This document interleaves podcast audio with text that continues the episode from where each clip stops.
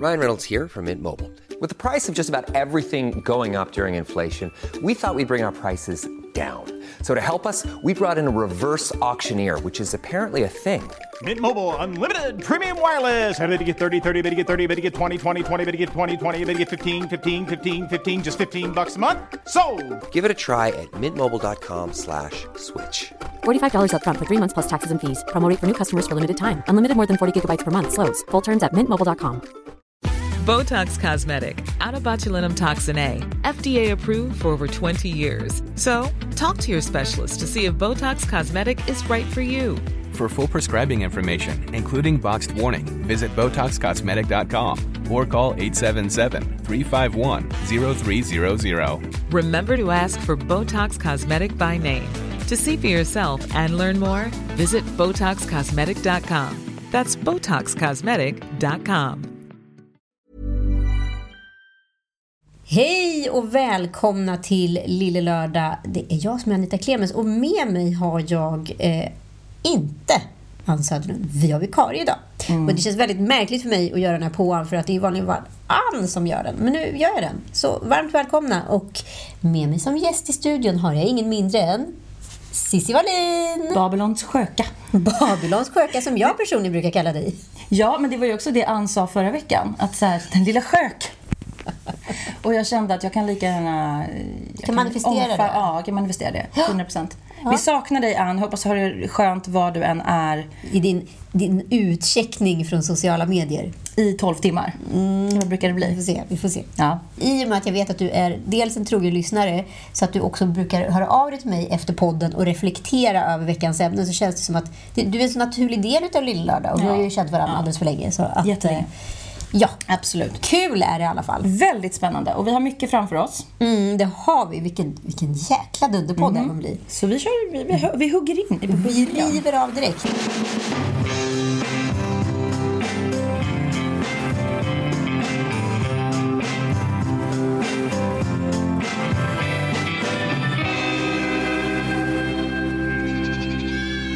Som alla andra år, den, här, den här tiden alla andra år, så har vi då fått veta precis vilka som ska sommarprata i P1, Sveriges Radio, hela sommaren.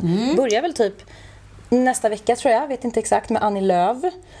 Och sen är det ju 40 personer, jag vet inte, jättemånga i alla fall. Ja, men det är ju ett heltidsarbete från Sveriges Radio då, som jobbar med Bibi Röde och en redaktion som jag har förstått det på 20 personer. De är så överbemannade på Sveriges Radio. De är det. är ingen som kan bli utbrända kan jag säga. För att det är en människa för att trycka på varje knapp. Sen är säkert alla utbrända ändå av andra skäl. Nej men ehm, jag har ju funderat då, eh, inte måste jag disclaima för att jag är bitter över att inte ha fått frågan. För jag tror liksom... Sånt håller vi inte på med. Nej, men jag tror inte ens, jag tror inte jag skulle få frågan av massa olika anledningar. Jag är så kallad för kontroversiell. Sveriges Radio vågar inte ens ha med mig live för att jag är dömd för förtal och då tror de liksom att jag ska förtala någon varje gång jag är med i radio. Så jag, jag är inte alls bitter över det. Jag är snarare fascinerad och förundrad. Eller framförallt så känner jag i år, har inte det här formatet ändå spelat ut sin roll? Jag är benägen att hålla med. Det som jag känner framförallt när jag ser den här listan med namn, vad ska alla de här 99% av de här sommarpratarna prata om? Kan vi nämna några namn tror vi? Jo men det är jättemånga. Ina Lundström ser jag supermycket fram emot. Hon bara hallå det här är en låt med ACDC och den påminner mig om när jag blev full en gång i Slottsskogen. Och hon kan säkert gå lite så över gränsen och berätta jävligt roliga, gränslösa, berörande saker. Men det är ju ett fåtal namn varje år som jag känner så här, mm, det här kan bli spännande. Som faktiskt också blir spännande. Hurula, eller Hurula, Hur, Hurula ser jag jättemycket fram emot också.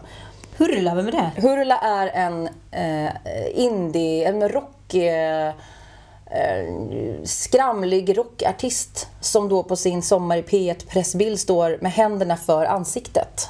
Det är hårt. Tänk som skriet fast han liksom täcker hela ansiktet med händerna. Ah. Och det är inte det här Hooja-gänget? Ja, de, de är också med. Eh, Ja. Men, men Hurula är en ensam person. Eh, Det, jag tror han heter det i efternamn. Wow, jag har helt missat. Han är jättebra, eller det vet jag inte hur bra han är på att prata. Han är väldigt bra musik och han kan nog vara en frisk fläkt som berättar om något jävligt mörkt och opassande. Men i övrigt så är det ju väldigt tillrättalagt, väl- väldigt städat och för att ta stackars Sirene Nyberg som exempel. eh, Hon har ju inte gjort mig någonting såklart. Jag har inget horn i sidan till henne. Men hon är ju rent professionellt, eller liksom hela hennes image är ju ett glas vatten. Eh, ja, alltså, eller mer så här, att jag såg också att Babben är med på listan. Nej, men jag älskar Babben, men jag Eh. tror att det kan bli ganska tråkigt i det här formatet. Ja, eh, det var väldigt många som redan har sommarpratat och redan har rätt stor plattform för att uttrycka sina känslor. Jag kan ju uppleva att så här, René då, som är talkshow-host och har även Renés brygga. Där hon varje avsnitt ska berätta något lite personligt ur sitt liv. För att få de Exakt. andra gästerna att bara, åh, jag kommer ihåg när jag tog student. Då undrar jag ju så här instinktivt, vad ska hon bidra med? Men jag har faktiskt lite raljant här av mig då, för det är ju lite mitt signum med all kärlek, skrivit ner, gjort ett litet manus för René. Det är väldigt, väldigt kort, det är en mening. Ja, men det, det är bara att köra. Får jag köra? Jag kanske får äta upp det här. Och det kanske blir Sommar i P1s mest vitala, spännande, chockerande program på hela sommaren. Men jag kan nog ta en liten dos gift på att René Nybergs sommarprat kommer låta typ så här. Jag ska försöka imitera René Nyberg också. Jag tyckte jag var lite tjock första terminen i nian. Jag drömde om att se ut som Cindy Crawford. Det var sorgligt. Det sa någonting om tiden vi levde i. Och tiden vi fortfarande lever i. Otroligt. Och så kommer det typ en låt av eh, någon 90-talslåt som hon typ såhär in excess Meja. 80-tals. Ja, it's all about the money. Ja. Jag tjänar jättebra på TV4. Så att eh, det kommer inte vara mer än så tror jag. Det kommer vara korta, korta små så här floskliga anekdoter om hur hon typ hade det lite jobbigt för att hon kände sig eh, ful när hon var ung fast hon var skitsnygg. Jag, jag förstår inte varför man väljer sådana personer. Jag har ju en liten lista på vilka man borde ha valt. Säg, är det ingen du peppar för i år? Jo, absolut. Ja, men hon är, Flashback Forever, Ina, är jag ju så taggad på. Eh, det fin- ska bli jättekul. Eh, Ska det det? För det är det här jag funderar på. För här, jättekul var väl kanske en överdrift. Ja, men, ja, men jag tänker att de vill ju ha in ett ungt eh, segment. Och så har de kollat då att så här, ja, men det är epadunken som är störst. Ja, då måste vi ha en karaktär eller ett par karaktärer därifrån. Ja, men så Tage Hooja då, exempelvis. Men de är ju anonymiserade. De har ju ingen profil. Liksom.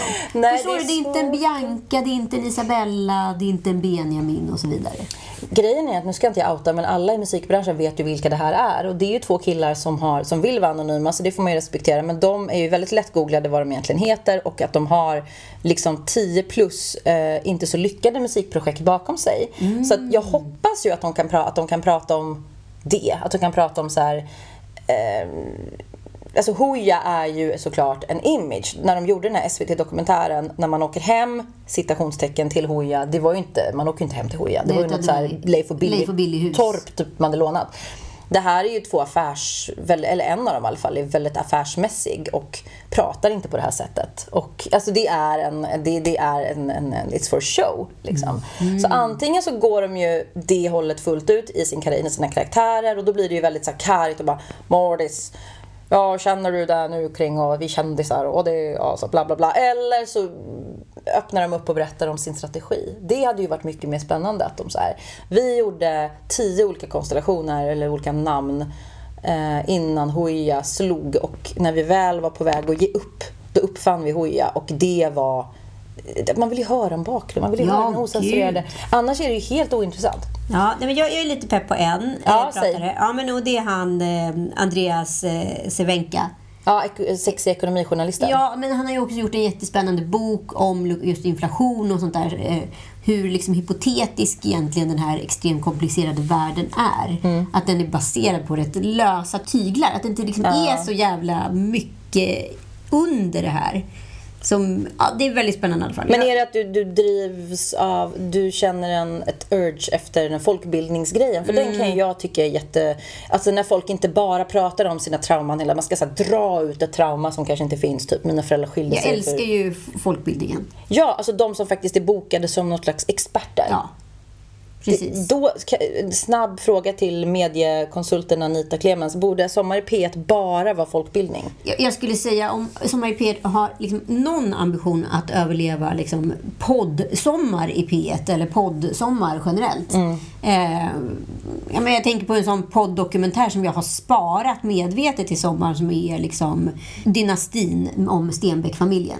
Den har jag ju hört liksom medvetet sparat för att jag ska liksom ligga och liksom få den här berättelsen berättad för mig.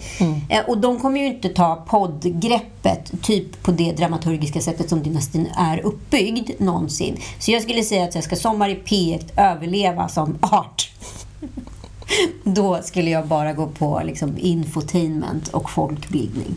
Jo, men att folk också är så lata, mig själv inkluderad, så att man vill ha en väldigt eh, lätt eh, smält, väldigt väl förpackad, komprimerad version av så här, det ekonomiska läget, det försvarsmässiga läget, det, hur blir det med NATO, hur är det med klimatet, ska vi sluta shoppa? Alltså man vill ju att någon ska hålla en i handen och förklara hur det ligger till. Precis, och det är det här liksom, för att om jag läser en stor artikel i The Economics om Ukraina-kriget eller vad som helst, då kan inte jag summera den på tre fina rader. Jag kan inte ens läsa den för jag har svårt att läsa så långa texter på engelska, så jag måste lyssna. Ja, och är det då en smarting som har läst den här och då då dragit ut essensen, pressat den som en liten så här, Dr. Baltasar droppe ner i en behållare och, jag, och serverar den till mig. Då kommer ju jag i min tur servera den på nästa middag och få mig att framstå som smartare. Men är inte det här, var- varför har ingen tagit tag i Bibi Röde och sagt det här till henne? Eller har folk gjort det men hon liksom låter sig, här, man låter henne hållas. Hon är som en Ja, Marie Antoinette hon, hon kommer väl bli utlasad om- inom loppet av 5-10 år. Jag vet inte hur gammal Nej, hon, är. Kommer inte, hon är fast, hon är inlasad så in i helvete. Hon kommer gå i pension, hon är 83. Hon kommer göra det här.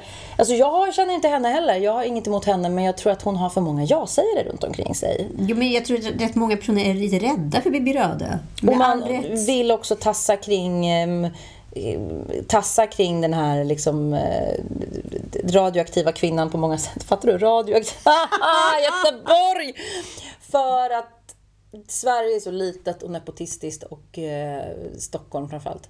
Att man vill ju inte missa chansen att få sommarprata. Nej, och därför måste man hålla sig god med Bibi Röde. Så är det ju. Vi kommer förmodligen aldrig göra det, så att vi behöver aldrig vara oroliga för det. Nej men jag har en liten lista och det är också, det här tenderar ju att det blir lite så här pajassommar i P1 eller lite så här eh, clickbait i P1. Men om man ändå ska ha profiler, kändisar som inte är experter, som inte kan förklara ekonomin eller världsläget, utan som bara ska prata om så här, sitt trauma från åttan. Då skulle jag, då vill jag att man går full Bloom och tar in personer som det verkligen sätts kaffet i, där det är alltså, osensurerat. Så. så utan inbördes ordning har jag liksom bara skrivit återställ våtmarksnubben, han som fick eh, Han som fick en Tänd. tand. flera, alltså tänderna lite halvkrossade Oj. av Let's Dance. Ja, han såg ut som att alla tänder var lite så halv, som att han liksom hade kört munnen in i någon så här. Aj, aj, aj. Honom skulle jag vilja höra, eller någon från... Ja, men jag skulle vilja, alltså, generellt skulle jag vilja höra någon från Våtmarksprojektet som berättar så här, vad har ni för PR-strategi? Den är ju briljant. Men ändå så ingen är det ingen som riktigt vet vad våtmark... Jag fick ju googla själv. Jag var såhär, jaha. Jag har ju satt igång någonting. Jag satt ju också igång och googla och sen bara så här, man då läser då på återställ våtmarken så är det 100% logiskt. Men det sjuka är väl också att alla politiska partier har redan sagt att de ska återställa våtmarkerna, men inte gör det. Ja, nej men jag, för jag, jag är mer och mer i deras lag. Ja, jag säga. är väldigt mycket i deras De måste bli lite bättre på att branda sig själva. Men annars tycker jag... Puma Swede. Varför har inte hon fått sommarprata på 30 år? Åh gode gud. Ja, hon måste ju ha ett annat att säga. Hon har varit med i söndagsintervjun i P1, men då blir det ju väldigt mycket så här. Eh, du vet Martin Wiklin ska vara lite sådär eh, eh, den gode liksom barmhärtige samariten. Jag skulle vilja höra henne helt fria tyglar berätta om porrbranschen. Jag har ju varit på fest med Puma Swede eh, vid två tillfällen. Eh, vid tillfälle nummer ett så hade hon inga kläder på sig eh, klockan tio på kvällen och sprang också runt med en motorsåg. Och naken med en motorsåg. Ja, och Okej. sågade isär olika bord. Okej. Som man brukar göra som en liten fest. Ja, sådana, sådana saker är ju väldigt spännande att höra. Så här, vad tänkte du där?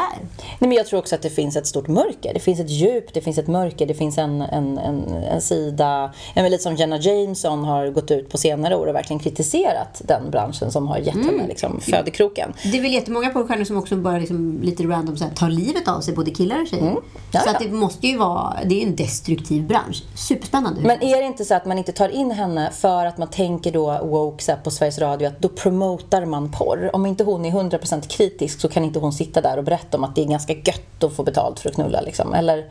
Exakt. Men ändå, ja, in Mycket spännande. Jag håller med. Eh, sen har jag skrivit då i samma anda, Hanif Bali. Katrin Zytomierska. måste säga att Hanif Bali skrev en väldigt bra krönika här i, jag tror i helgen, om eh, LVU-hem. Ja, men jag såg rubriken, men jag har inte Nej, läst den. väldigt bra. SIS-hem och LVU, lagen om vård av unga. Jo, men han har ju sina stunder och sen är han supercancelled. Nej, han får ju skriva Expressen så han är inte så cancelled. Men varför... Han är ju också supertrasig. Han är själv barnhemsbarn, så att det är också spännande att höra. Ja men absolut, en liten oväntad take Mm. på Hanif Bali. Eh, Katrin Zytomierska du just tänker kanske tillsammans med Puma Sweet. Gud.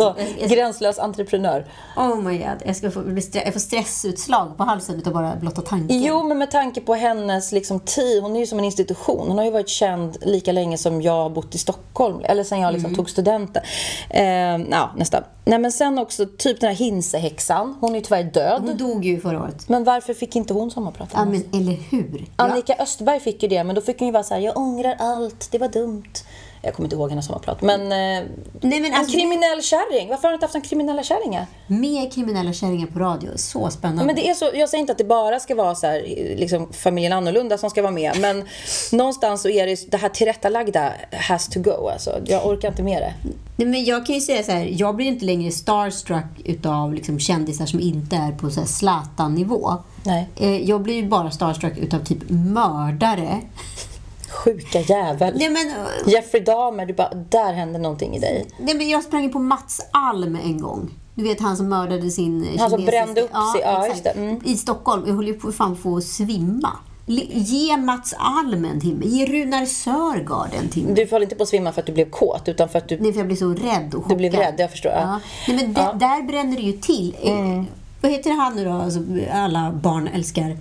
Eh, Pontus. Rasmusson. Nej, ja, låt Pontus Rasmusson Ja, men seriöst. Men jag tror att det handlar om en... Jag kan liksom se eh, redaktionsmötena på Sommar i P1. Det här, mitt namn har säkert också varit uppe. Du också. Katrin Zytomierska, Puma Swede. Alla vi har varit uppe. Men det är antingen Bibi eller någon annan eller flera som är så här. Nej, de är för kontroversiella som det heter. Som att det skulle vara någonting...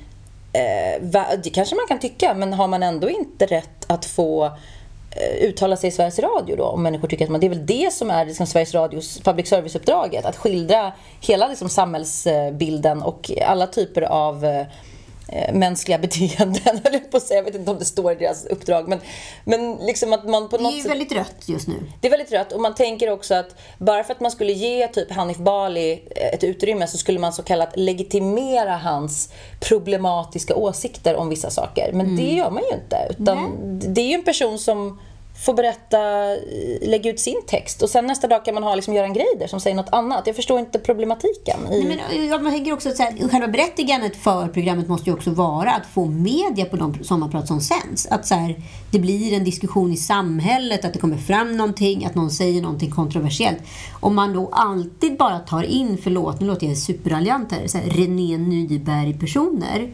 Det, ja, Nej, men hon är ju super, jätterar, men hon illustrerar ju någon sån här slätstrukenhet som så här, vad finns det för oss om hon inte totalt överraskar och berättar något jättechockerande om, som man inte visste om henne eller... ja men jag var så här hemligt prostituerad i tio år. Ja, jag tyckte Aliette Oppheim som berättade, som Ja. jag känner så jag är lite biased, men som berättade om sin strippkarriär. Det var ju spännande. Men herregud, och det rev ju, skakade ju om och hon ifrågasatte den, den liksom kulturella feminismen. Alltså det var ju så jävla mycket spännande vinklar i det sommarpratet. Ja, jag grät och blev jätte... Jag känner ju, jag visste ju, alltså, jag visste, det var ingen chock för mig, men jag grät av hennes, liksom, hur hon lyckades förmedla. Ja, otroligt liksom gestaltning på det här. Ja, hur som helst, det var väldigt tråkigt liksom sommarlista. Men det ty- tycker jag att det är varje år. Och så är det så här plikttroget, nu ska man ha några så här lite, lite youngsters och influencers och TikTok-kändisar och sen ska man liksom ge de här gamla stötarna någon slags belöning för lång och trogen tjänst i offentligheten. Och så är det några som sagt som är oväntade och folkbildande och då kan man bara behålla dem och skita i resten. För resten har ändå Instagram och Facebook-sidor och egna TikToks och egna poddar så vi vet liksom, vi kan få veta allting. Ja, och vi man behöver ju inte liksom ta människor som har redan så stora forum, för de hinner ändå kommunicera det där på ett eller annat sätt. Men vad ska Therese Lindgren, vad- hon var väl förra året, det var två år sedan. Vad ska, Ja. vad ska hon berätta? Nej. Vad berättade hon? Nej, jag vet inte.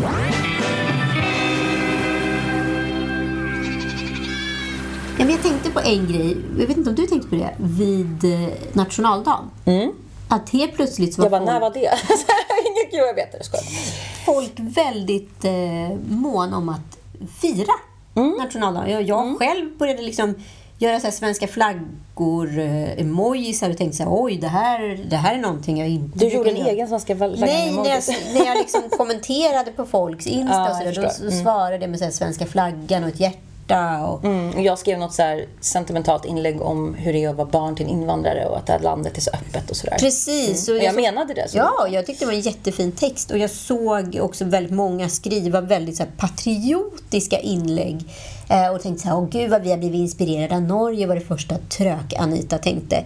Så tänkte jag så här, för SD har ju liksom ägt den här högtiden under väldigt lång tid.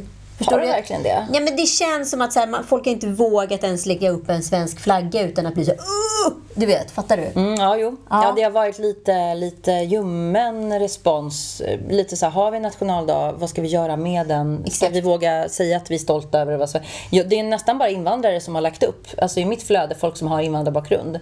Som har varit så här, folkdräkter och... För att alla andra har väl liksom varit rädda för att bli SD-stämplade. Ja, men som jag upplevt det så alla som har gått liksom till, till Slottsbacken och vinkat på kungen, det har ju varit så här invandrare och typ brandmän. Alltså förlåt, det låter ju Nej men förstår du vad jag menar? Alltså två ytterligheter i det här. Liksom, eller så här pensionärer som inte har något bättre för sig. Ja. Men, men nu kände jag så att nu la helt plötsligt väldigt många upp om eh, liksom nationaldagen. Jag fick ändå en liten så här känsla av patriotism och kände mig lite så stolt för att vara svensk. Det var en väldigt viktig känsla upplevde jag. Ja. Ja, men det gjorde väl du med? Alltså, jag var ju inte... Jag var i, i Norr, Norrköping. För Ja. jag var på Kolmården. Det där var inte östgötska. Nej, vi släpper det. Tejsta i Norrköping. Jag kan inte... Va? Norrping. Norpan. Och där var det då, då fick jag liksom lite gränssnittet kanske för en så svensk, det är en ganska stor stad men inte Stockholm liksom. Nej men det som hände i Norrköping den 6 juni var ju att de enda som hade ett tält på stan som jag såg var ju SD, där man fick ballonger. Vi gick inte dit, eh, men vi gick förbi. Eh, mina barn bara åh ballonger. Jag var så nej men det här blir problematiskt för mamma om det tas en bild, du vet då måste jag förklara, orkar inte. Eh, sen kom det någon JAS-plan. Så jävla smarta! Ja, de är så jävla smart. Kommer till ja, en formation av JAS, tror jag, blandat med något annat. Jag kan inte flygplansmodeller. Eh, som flög över himlen i ungefär 10 sekunder. Alla bara åh, där försvann de. Och sen var det liksom inget mer med det. Så att jag upplevde ju mer en digital patriotism. Alltså att folk på så Instagram och Facebook skulle liksom skriva egna så här, Tack Sverige för allt du har gett mig. Men IRL så var det inte så jättemycket. Det var ju ingen så här drillflickorna och liksom pompa och ståt. Det var, det, det var någon motorträff i Norrköping. Ja. Raggarbilar. Nej, men jag tyckte ändå att så här, det var fullt med folk som hade picknick på Djurgården och det kändes som att det, så här, det var ändå lite, jag ska inte säga russebuss feeling. Det var, russ, det var inte russebuss. Nej, men det var ändå att folk så här, firade. Och det har inte jag varit med om tidigare. Nej, men det att folk så här, omfamnade firandet och patriotismen. Det kanske är ett reclaimande på något sätt. Ja, är det ett reclaimande eller är det... Lyssna på det här, för nu kommer min spaning. Mm. Ja. Eller är det en utvattning utav ett starkt ämne som har varit laddat? Du, du menar att folk är eh, lite SD i smyg? Eller att, Ja, att SD har blivit rumsrent. det tror jag de har delvis också. Men jag tror inte att eh, nationaldagsfirare generellt och lite så här vifta svenska flaggor mm, per definition är Nej. SD-vurmande. App, app, app. Nu Det var vi- inte så du menade? App, app, app. För nu kommer det här. Jaha. Vi måste prata om gamla SD och sen måste vi prata om nya. Jag tror att eh, SD nu har ju då kommit in i riksdagen som vi vet. Och då har de ju då kommit på att nu måste vi skriva en vitbok så vi börjar tvätta vårt arv. För nu har vi förstått att vi kan ha väldigt starka internationella vänner ifall vi är ett anti-islamistiskt parti. Så, så här, man har förstått att Jesus har coolare polare än Mohammed. Men Hitler inte hade någon. Och därför måste Hitler vi... hade bara Eva Ja. och sin hund. Ja, eh, och det får man inte så mycket kompisar med ute i världen. Så nu har man gjort den här vitboken, man har tvättat där och nu är man liksom ett anti-islamistiskt parti och får på det sättet väldigt många nya kompisar. Exempelvis var SD på en rätt kontroversiell resa till Israel för att binda politiska kontakter. Man skickade Jomshof bland annat. Eh, Just det. Ja. Eh, och det har ju varit väldigt eh, liksom, eh, laddat i Israel också i och med att det, de har ju sitt sprung på liksom, vad ska jag säga, den svenska bygdens nationalism. Där vi liksom gärna reclaimar Hitler och att han var en bra karl och sånt där. Och det här är ju problematiskt såklart. Sen vill man ju såklart ha polare med, med, polare med Sverige och svenskheten. Och om man har då en gemensam fiende i Mohammed, då kan man alltid lösa det på något sätt. Men så tänker jag så här, så såg jag dokumentären eh, SD-bögar som Erik Galli har gjort på SVT. Jag har inte hunnit se den. Nej, men se den. För den visar på det nya Sverige, vilket är ett jätteproblematiskt Sverige, som verkar vara mitt favorituttryck i den här podden. Eh, för att nu har vi då en generation som inte varit med om kampen. Förstår du? Bögkampen. Den Nej, de var inte med när det knackades bög på 80-talet eller Nej, 90-talet. precis. kanske. De har inte varit med om hiv, de har inte varit med, de har inte sett the struggle. Nej. Eh, och I och med att Sverige då är en av världens mest öppna länder så har det här då tillgodosetts. Men de enda som är liksom politiskt öppet böghatande är muslimer. Många av dem, ska jag säga. Inte alla. Eh, Hashtag inte alla muslimer. Hashtag inte alla muslimer. Så, eh, de som har vuxit upp nu med liksom, och blivit 30 plus och inte varit med om kampen, de får liksom helt fritt välja att gå med i SD. De, De tänker, de tänker att de, de hittar sin egen lilla nisch av homosexualitet och konservatism och eh, islamofobi. ja, liksom. I ett parti som SD, som egentligen är ett bögknackarparti. ja, i grunden. I ja, grunden. Absolut, ja. Det är så jävla spännande det här. För jag kommer ihåg att eh, en syrianska berättade för mig att när Saab på 70-talet gjorde så här arbetskraftsinvandring. Man importerade folk från olika liksom, länder för att jobba på Saab i Södertälje. Då var ju liksom svenskarna så hatiska mot de här stackars invandrarna som kom. Så att de fick ju sitta vid På våra jobb. Ja, de fick sitta vid eget tjejer. bord, de fick inte dricka vatten ur samma kran, de fick ta glas, de med sig egna glas och så vidare. Mm. För att svenskarna var så rädda att få så här svartingbaciller. Det vet man ju aldrig vad de har tagit med sig från Chile. Exakt. Eller från Syrien, Albanien, Mm. Turkiet och så vidare. Och då satt de där alla och knöt nävarna i fickan och sa så här aldrig, aldrig, aldrig ska vi bli som dem. För att två generationer eller liksom 35-40 år senare rösta på SD. För det är då det ska komma in nya invandrare. Då är man inte benägen att vilja ha fler. Då har man själv blivit svensk och vill inte ha fler. Så den här liksom konklusionen är att SD har blivit rumsrent. Och att en ny generation svenskar bögar, invandrare etc. inte har några som helst problem med att rösta på SD. Men det är ju lite som eh, så här, drag... Vad var det jag såg? Det fladdrar förbi. Dragartister i USA som röstar på Trump. Ja. Som är så här, men vi, vi är liksom pro-Trump, pro-drag. Och man säger, fast det är ju väldigt svår. Det är en väldigt svår Det, det är problematiskt. position att inta. Men lycka till! Jag tror också att det finns en stark historielöshet här och också en, en generation, TikTok-generationen som... Nej men det finns ju en kille som jag har glömt, heter han Loai, eller hur? Ja. Eh, som eh, är ju då flykting och eh, skriver för så här, högersajter, typ Bulletin. Och eh, jag vet inte om han är med i Sverigedemokraterna eller om han liksom bara är öppen med att han röstar på dem. Men han är homosexuell. Ja, han, är, han är öppen SD eh, och liksom homosexuell. Ja. Och vill då inte... Han vet att om blir han tillbaka skickad till Jemen så kommer han bli dödad för att han är gay. Men jag tänker att det här också, dels en historielöshet eh, som är eh, så allmän och ganska utbredd. Dels så handlar det om faktiskt en beröringsskräck, alltså en långtgående inarbetad beröringsskräck. Ända sen, liksom, eller långt innan det, men det är en ganska tydlig markör. När, Jimmy Åk, eller när Lars Ohly vägrade så här, vara i samma rum som Jimmy Åkesson när de båda var partiledare för varsitt liksom, riksdagsparti.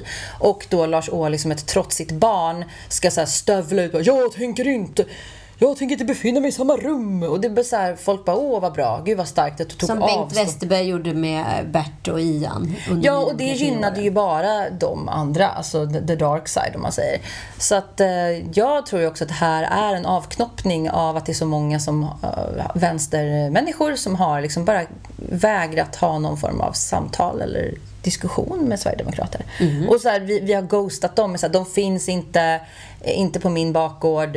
Eh, jag lovar liksom att väldigt många av dina grannar röstar på SD. Eh, sen, jag kommer ihåg förra valet var det väl, så kunde man se på, det var typ SVT tror jag, man kunde se så dermografi, vad heter det, över sin stadsdel. Jag bor ju på Södermalm Ja, precis. såklart. Ja, men det är väldigt många centrala Södermalm som... Centrala Södermalm som är liksom mycket, ja, det är bostadsrätter också men det är mycket så här nyby- nyproduktion och så är det en del hyresrätter. Det är lite mer så här, Det är inte lika liksom hipstrigt som typ Nytorget och Mariatorget. Så här.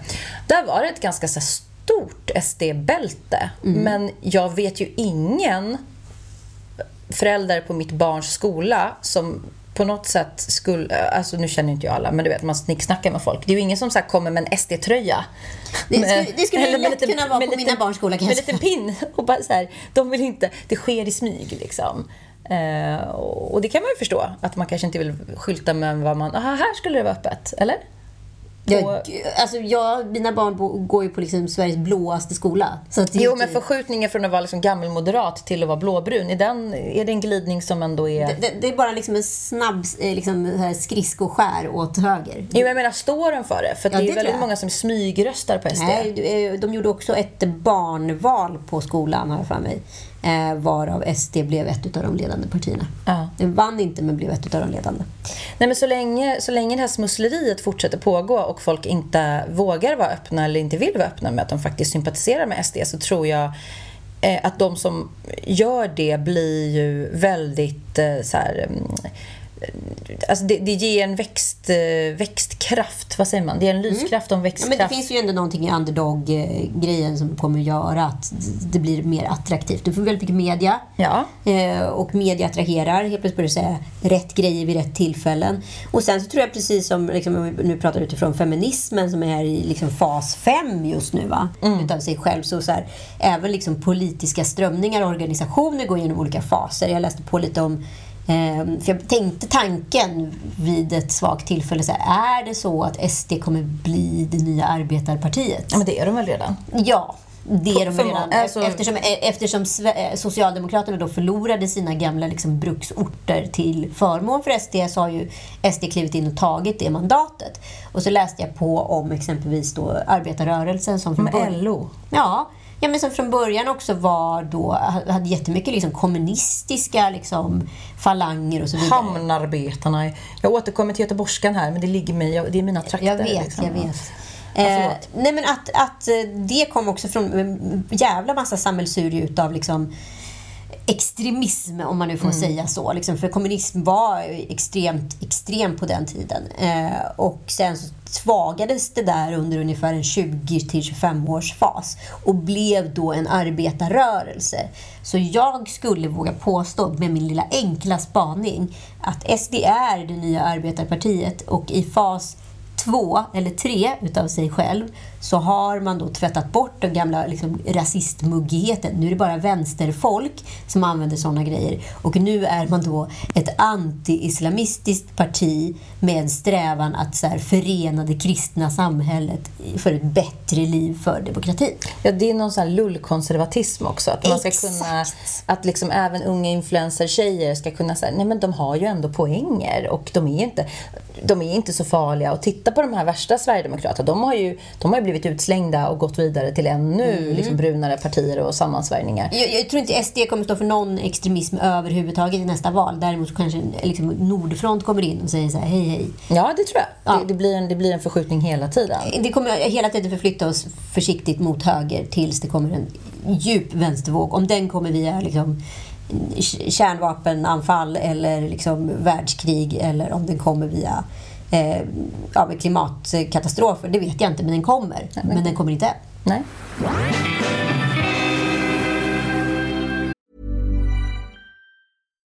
Botox Cosmetic, out of botulinum toxin A, FDA approved for over 20 years. So, talk to your specialist to see if Botox Cosmetic is right for you.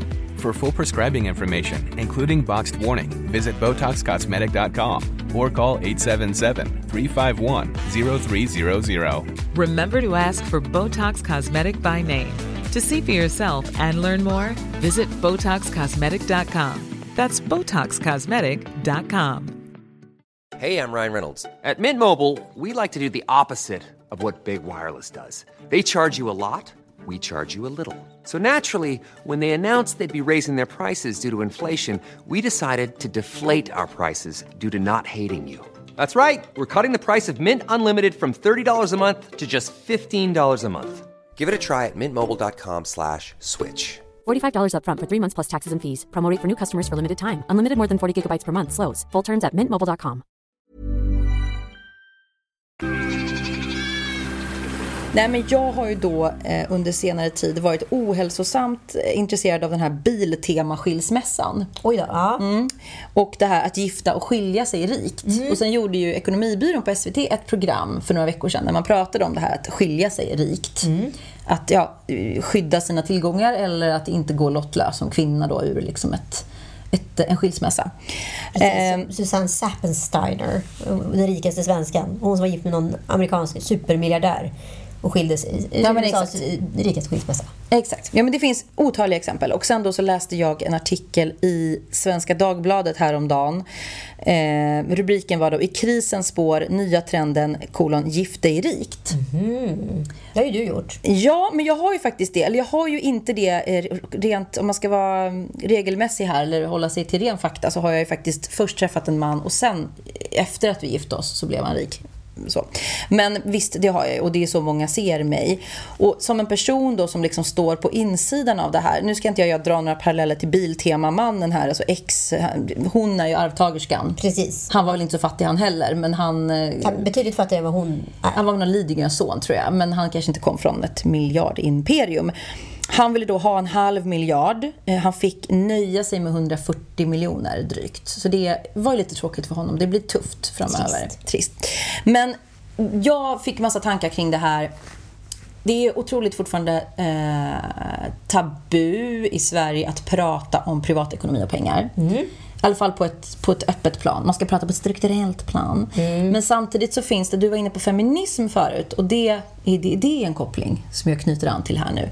Att den här samtida feminismen som då är väldigt vänsterorienterad, den är inte ens vänster, den är liksom den är cherry, jo men den är mer såhär cherry picking för den är också väldigt liberal på många sätt. Och så här, man får göra vad man vill så länge det känns bra. Så, så det är så lite, det är lite svårt att veta vad vi ska, ska vi vara liksom antikapitalister? Nej men det ska vi inte vara om man kan, själv kan tjäna lite på det. Så.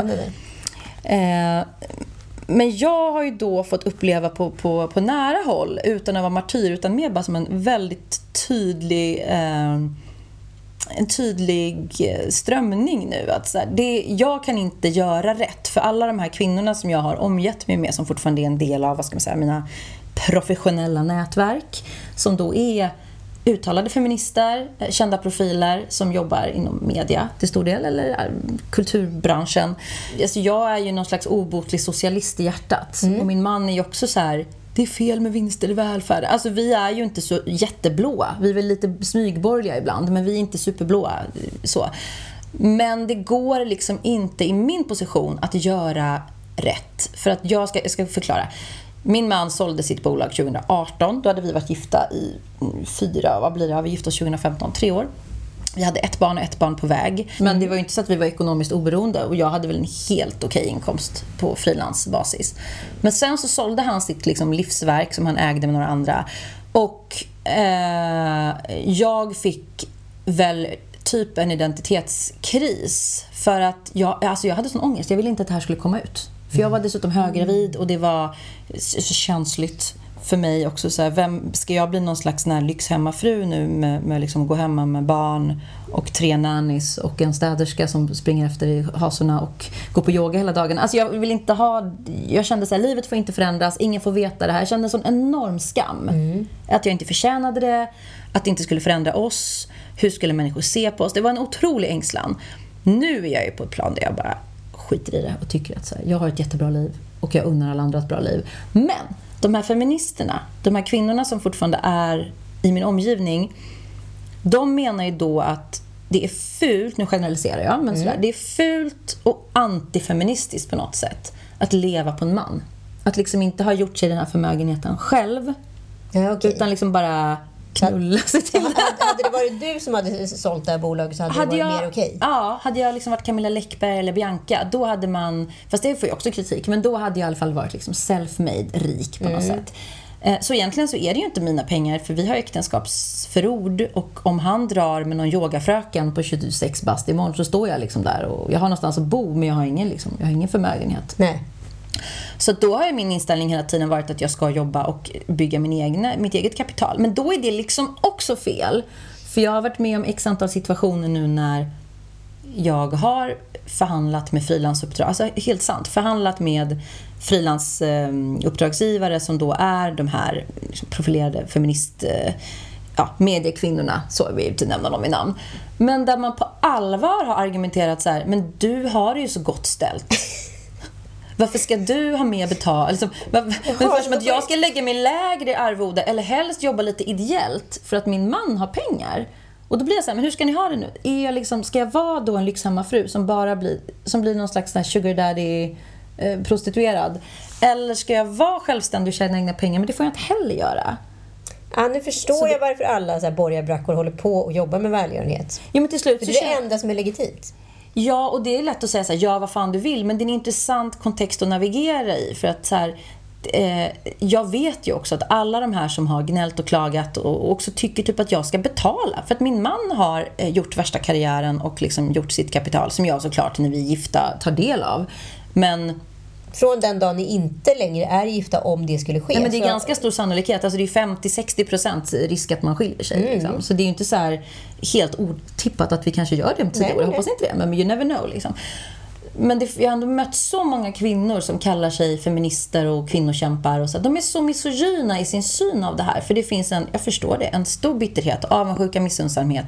Men de tycker också att jag då som någon slags förlängning av hans förmögenhet ska betala deras... alltså ska typ så gå in med, med hans kapital i deras små projekt. Eller att jag ska stå för notan jämt. Det där är intressant, för jag har några kompisar som alltid tycker liksom att då vänner i deras bekantskap som då har på något sätt sålt bolag, gjort en förmögenhet via arv eller whatever. Eller att mannen också har gjort det. Ja, att då är de liksom på något sätt så kroniskt liksom avbetalningsskyldiga sin vänskapskrets olika saker. Att, Mm. att, så här, att är du rik, då ska du dela med dig. Punkt. Oavsett vad det är. Men då kommer den här vänster, väldigt starka vänsterideologin där allt åt alla, älskar att vara generös med andras pengar och sådär. Då kommer det in. Men de skulle ju aldrig ha gjort Nej, de det själva gjort för det någon. själva. Det är inte Nej. så att jag liksom... Det är inte så att jag kan ringa Camilla Läckberg och bara säga du, eh, skulle du vilja ge mig 100 lök? För jag, jag behöver det till en... eh, Jag behöver... betala någonting som jag är skyldig någon. Nej men alltså Mm. det finns ju ingen... Det finns en stor sexism i det här. Och det tycker jag är så intressant. För det krockar med den här nya idén, den här nya feminismen som är lite mer så liberal och glättig. Att så här, gift dig rikt, var smart, var strateg. Eh, att det nästan är som en investering. Just det, för att så här, om du gifter dig rikt, även om du inte har gjort någonting själv, så har du möjligheter att kunna göra någonting och få mer utväxling för det. Du kan själv bli rik på kuppen, eller? Ja, absolut. Att, att det är ett, ett strategiskt drag. Och när vi, vi pratade lite innan om det här om liksom fast, for, eller fast eh, backwards 15-20 år sedan med de här tutt-tjejerna och slits och bingo kanske inte var så superrik i jämförelse. Men så här, Hugh Hefner, hela den här golddigger-eran. Då såg man ju ner väldigt mycket på den typen av kvinnor. Det har man ju alltid gjort. Och men... det gick väl också, det gick väl också hela Fittstim-generationen, att man skapade ett vi och dem bland kvinnor. Mm. De stod ju inte bakom tuttbrudarna. Nej, de vill ju vara self-made och så här, ehm, jag gråter absolut inte heller i min Ferrari. Då gråter jag hellre i min tredjehands etta. Men då är jag ändå så här self-made. Så nu har det kommit en ny strömning av unga tjejer, framförallt influencers, som kanske inte är så här, vill vika ut sig och ha Onlyfans. För Onlyfans är intressant för där kan man ju tjäna skitmycket pengar. Men de är inte liksom, de är inte lika bespottade och inom citationstecken billiga som de här liksom golddigger-tjejerna för 20 år sedan. De är lite mer sofistikerade, lite coola. Men de propagerar liksom gift dig rikt som en strategi. Men jag är väl kanske lite för gammal för att umgås med dem. Jag umgås ju med liksom kvinnor som är födda på 70-talet, mest 80-talet. Och där är det fortfarande en stor liksom ambivalens kring hur de bara typ ska bemöta mig. För att jag blir som en spegling av min mans framgång. Att man inte kan se mig som en egen individ. Du upphör, det är lite som när man är gravid, man bara är en mage och folk bara kan prata om objektet mage. Så bara för att Ja. den här rikedomen finns och pockar där bakom dig, Mm. då, då är du liksom avidentifierad. Ja, men jag har ingen agens. eh, Det är inte synd om mig på något sätt. Jag har det jättebra. Men det är fascinerande så här fem år senare nu i den här, liksom det här livet. Att förhålla sig till så situationer där man då som sagt förväntar sig att jag ska bjuda. Människor typ jag aldrig har träffat. Eh, För att man tycker att det på något sätt är så här, det är en skyldighet. Det är ett privilegium jag har. Att jag på något sätt då, den här privilegiebingon vi har nu. Att alla liksom ska veta sin position och sitt privilegie.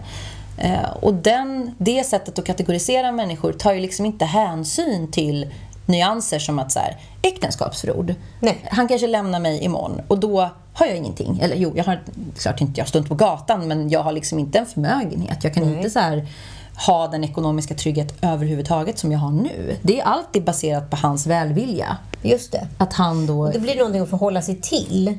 Ja. Kan det påverka relationen på något sätt då? Ja, men det kan det göra, absolut. Nu har vi, vi har överlag jävligt bra och det är inte en... Alltså jag har ju varit liksom... Det där är väl också en del av min så feministiska mm, eh, psykos. Nej, min feministiska resa. Att jag har velat vara väldigt självständig och bevisa för honom och mig själv och omvärlden att jag inte behöver hans pengar. Att jag klarar mig själv. Men jag vet, en, en Men det är ju så. Jag är ju, det är ju jättetryggt att ha en partner som typ inte har massa skulder man behöver täcka upp för. Men jag vet en kvinna som eh, då gifte sig rikt med en lite äldre man och varenda gång vid ett bråk så tog hon fram en väska som stod liksom färdigpackad under trappen. Du vet, en sån där lite trapphusskåp. Harry Potter-boning. Ja, exakt. Där tog hon fram väskan och demonstrerade för honom att nu var hon beredd att lämna honom för att han inte skulle ge henne någonting. Så varje bråk liksom började kanske vid, van, vid en vanlig konflikt men slutade alltid med någon form av diskussion om hur mycket hon var värd, vilket det blev liksom märkligt i sammanhanget. Eh, och sen så när han väl gick bort så, ja, så lämnade han henne i princip inte med någonting. Ja, men det, den historien har man ju hört Ja. flera gånger. Pengar är ju som sagt, det är ju inte laddat för människor som har pengar. Det är ju bara laddat för människor som inte har pengar. Ja. Jag växte upp utan pengar och det enda mina föräldrar pratade om var pengar hela tiden. Mm. Ehm, men, men, men varför jag har den här spaningen just, jag tycker att det är så många intressanta vinklar i det här. Biltema, de här offentliga, supersmutsiga skilsmässorna där liksom den här förmögenheten då ska hur världsfrånvänd man kan bli, vad man tycker att man förtjänar. Så här, Jag har ju levt med dig, så därför ska jag ha liksom 50, eller så här 500 miljoner. För det är, liksom, det är värt att skilja sig. Det finns ju också en sån otrolig liksom fartblindhet i den där livsstilen som gör saker och ting så jävla abstrakt för alla som står utanför och tittar in och bara såhär, va? Ja, men dels det, men också hur man ser på att det finns en stor sexism. Jag vill liksom, det är min, min, eh, min spa, liksom huvudfrågan här i min spaning, eller huvudspåret är, jag vill uppmana andra kvinnor till att faktiskt reflektera lite över sin egen så här, sexism gentemot kvinnor som har gift sig rikt. Att man eh, jävligt lätt projicerar sin egen bitterhet, avundsjuka, eh, sitt eget förakt, sitt eget, sin egen kvinnosyn på den typen av kvinna. Och att det liksom sitter troll på så här Flashback eller liksom bloggbevaknings kommentarsfält och kallar mig golddigger. Jag kunde inte bry mig mindre. Men när andra så här uttalade feminister och, och ja, kvinnor som är så här, ja, kvinnor, jag står liksom för kvinnors frigörelse. Jag hör på omvägar eller att de säger direkt till mig att jag skulle vara någon slags så här, ja, golddigger, liksom att dels att man, man, har, man har avhumaniserat mig på något sätt bara för att jag är gift med en man som har mycket pengar. Det är jävligt Det fascinerande. är jävligt intressant det här. Men jag, min tänk, egen agens liksom slutade finnas. Men jag har liksom aldrig knäckt koden varför så många liksom överklasskvinnor håller på med så mycket välgörenhet. Alltså jag tänkte att så här, ja, det är någon form av så här berättigande för att ha någonting att syssla med. Och sen så man En har... liten butik kan man ha också. Ja, men, då, men förstår jag nu att så här, det enda som är legitimt för att en kvinna som är gift rikt det är att syssla med välgörenhet för att då kan du få cred för att du faktiskt gör en god gärning Jo, men- med någon annans pengar. Ja, men det har jag ju fått, och det är en position jag har satt mig själv mycket i, men jag har ju verkligen fått känna på det när jag skulle eh, post metoo, för det här hände ju precis efter metoo, alltså att han sålde det här företaget. Att man då, man, alltså den här oidentifierbara, nej men både enskilda kvinnor men även så den feministiska rörelsen vände sig till mig och liksom trodde att jag var typ Amnesty, eh, kvinnojouren, jourhavande präst och gärna också en bankomat. Och jag liksom försökte plisa det genom att vara så här, nej men jag kan, jag, kan, jag kan donera, samma sak nu när jag blev dömd för förtal, att det var så många som hade principer innan. Så här, ingen ska behöva betala sin förövare. Ingen. Fast Cissi ska göra det, för hon är rik. Mm, Okej, fan vad intressant alltså. Och då blir det ju så här, det blir förnedrande för mig att gå ut och säga så här. Alltså jag kan ju, jag, eller jag har ju fått, Linus har ju, jag har ju fått de pengarna av honom. Jag hade inte 150 lök liksom på mitt konto. Så det är lite också som Jan Emanuel-tesen då att så här, ja, för varje swimmingpool jag uppvärmt så får jag pengar. Liksom. Eller förstår Mm. du? Alltså, han, det, det är någonting i det här som är jävligt spännande som jag skulle vilja nosa mer på känner jag. Ja, man förlorar också principerna. Det är väldigt intressant hur långt människor är beredda att gå för att ha principer. Eh, För principerna, eh, om de inte så att säga når, om de inte liksom är 360, då är det ju inte principer. Då är det ju väldigt villkorade så här, ja men jag tycker inte någon ska få spö utom just den där jävla horan. Eller jag tycker inte att rasism är inte okej, men eh, om man ser ut så här eller säger de här grejerna eller liksom fan vet jag, har många barn på liten yta, då får man ju ta att människor man ta kommer... konsekvenserna. Skyll dig själv. Ja, men exakt. Det är, Skyll dig skydd själv, det är fortfarande skydd dig själv eh, liksom, material fast man eh, nu vill skylla sig själv med pengar. Har du fått så här mycket pengar då kan du inte längre skylla dig själv. Det är det det är.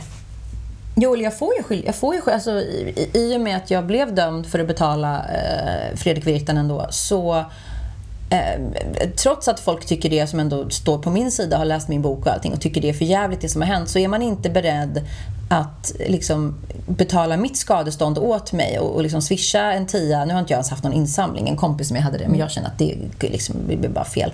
Men att man principiellt, så här, ä, ä, även om det liksom är en kunglighet. Man ska inte behöva betala den människa som man liksom har anmält för ett sexualbrott. Nej, Det finns en så djup mänsklig förnedring i det. Exakt, men i och med att du har gift dig rikt Mm. då, har Då får- du, då har du blivit av med ditt skyll dig själv-kapital. Ja, du menar så? Förstår Ja, du? absolut. Ja. Ja. men det har jag. Det har jag.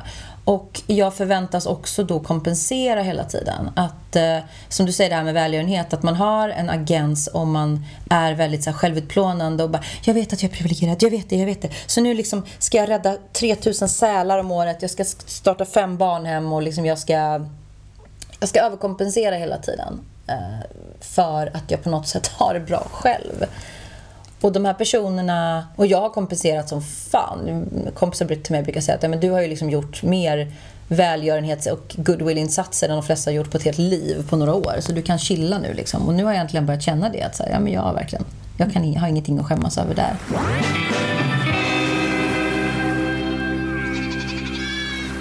Nej, men det är liksom exempel så här. Eh, man bara lägger upp. eh, Ja, vi har ju ett hus i Hälsingland och så har vi en lägenhet i Stockholm. Att det då skulle vara liksom ofeministiskt och eh, blint för sina egna privilegier. Att, alltså, vi måste bestämma oss, var ska vi bo? Det, det, är liksom, det rimmar inte med min värdegrund då på något sätt, tycker man att, tycker vissa personer, att jag då har två boenden. Jag bara, men visa mig den människan som liksom hade vunnit på Lotto eller ja, gjort en jävla, gjort ett bra, en bra affär och inte typ gått och köpt en sommarstuga. Det är, väl det, det är väl det folk vill ha. Man vill ha ett hus i skärgården, man vill ha en båt, Ja, man vill ha en liten herregud. kolonilott liksom. Åh, gud, jag blir helt matt. Jag blir helt matt. Folk är så missunnsamma i det här otroligt komplexa samhället som vi lever i. Men jag är inte, jag är absolut inte, jag tycker inte synd om mig själv. Jag Men vad är det ditt fascinerande. Nej men mitt råd är så här, det är lätt, det är som att det är två, som med allt annat så är det så polariserat. Det är två läger här. Det är de som är så här helt eh, skamlösa, så här, gift dig rikt, enjoy your perks liksom. Gör det så här, är du snygg och ganska ung, träffa en li, inte lika snygg, väldigt rik man. Jobba på den konstellationen, det är en win-win. så. Sen finns det liksom det andra lägret som bara ska problematisera och bara överpolitisera allting. Och jag står väl någonstans, jag står i det och känner så här, det viktigaste för mig att landa i är att jag är inte en avbild av liksom Adam. Jag är inte Eva här, utan jag är en egen person som kan skilja mig imorgon och då är inte jag rik längre. Nej. Och det är, det är det jag försöker förhålla mig efter. Och jag tänker inte be om ursäkt för mig själv en sekund till för att jag vill ha betalt för saker som jag gör. Arbete liksom. Jag tänker inte be om ursäkt för att jag har det bra, för att jag reser ibland, för att jag liksom har ett gott liv. För det kan tas ifrån mig när som helst. Men hur ställer du då inför eh, situationer som eh, den amerikanska I want half? Där då kvinnan då varit en eh, stay at home mom, jobbat eh, de där obetalda timmarna som man aldrig ser och liksom tagit hand om rulliansen för att mannen då ska kunna göra karriär och tjäna pengar och att de ska per definition kunna ha det bättre. Om han nu lämnar henne för sekreteraren på jobbet för att han, Yogafröken. Ja, eller yogafröken. Så eh, tycker hon att hon är berättigad till hälften. Vad säger du om sånt baserat på svenska liksom, regler där vi Ja, har då förskola och hej och hå, liksom. Alltså jag tycker, jag, jag personligen så, så kommer inte jag kräva någonting förutom ett, ett bo, en, bo, en bostad. Det har liksom vi kommit överens om att om vi skulle skilja oss oavsett vem som lämnar vem så ska han köpa en lägenhet till oss i ett samma område som jag inte kan köpa själv. Det är liksom inte en etta i Skarpnäck utan typ en trea på Södermalm där jag liksom kan bo med barnen varannan vecka. Och sen får väl han ge mig ett vanligt underhåll utifrån de regler som finns. Jag förväntar mig inget annat. För, Nej. för någonstans, och det kanske låter så här töntigt principfast, men jag vill att han ska veta att jag är inte med honom för att kunna casha in.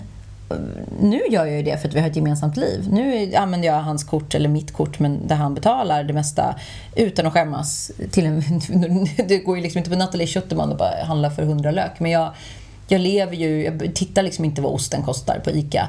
Men jag skulle aldrig skilja mig som en affärsidé. Nej. Men jag kan verkligen förstå kvinnor som har hamnat i den situationen och ser det som att fan vad jag har gett och skyfflat in obetalt arbete. Jag har ju inte gjort det. Alltså, vi har ju haft barnen på förskola hela tiden och han har varit pappaledig jättemycket. Så jag fattar inte riktigt vad det är jag ska belönas. Vad är det Biltema-mannen vill ha massa pengar för? Det vet jag inte. Nej, men vad har han gjort? I, inte supermycket tror jag. Nej, men är, det liksom, är det på något sätt en, en karriär, är det en karriärism att han var gift med någon? Vad har han offrat för att hon ska kunna är, Alltså det är ju en... Det är ju girighetens Nu är ju inte de här essens. så de kan försvara sig, så vi kan inte prata mer Nej, om det kan vi inte göra. Men eh, det är väl ganska överskattat att gifta sig rikt om man gör det eh, med en förväntan om liksom, att det ska förändra ens liv enbart till det bättre, för det gör det inte. Och med de orden tycker jag att vi avrundar Mm. Lille Lördag för den här gången. Tack snälla för att du har gästat och eh, spännande tips och råd. Verklighetsbaserade tips. Ja, Nej, men ja, det var en intressant, eh, intressant strömning just kring den här frågan just nu. Tack för att ni har lyssnat. Vi hörs om en vecka. Välkommen tillbaka, Ann! Du gjorde ett strålande jobb. Ja, jag ska inte ta hennes plats, jag lovar. Ha det bra. Hej då!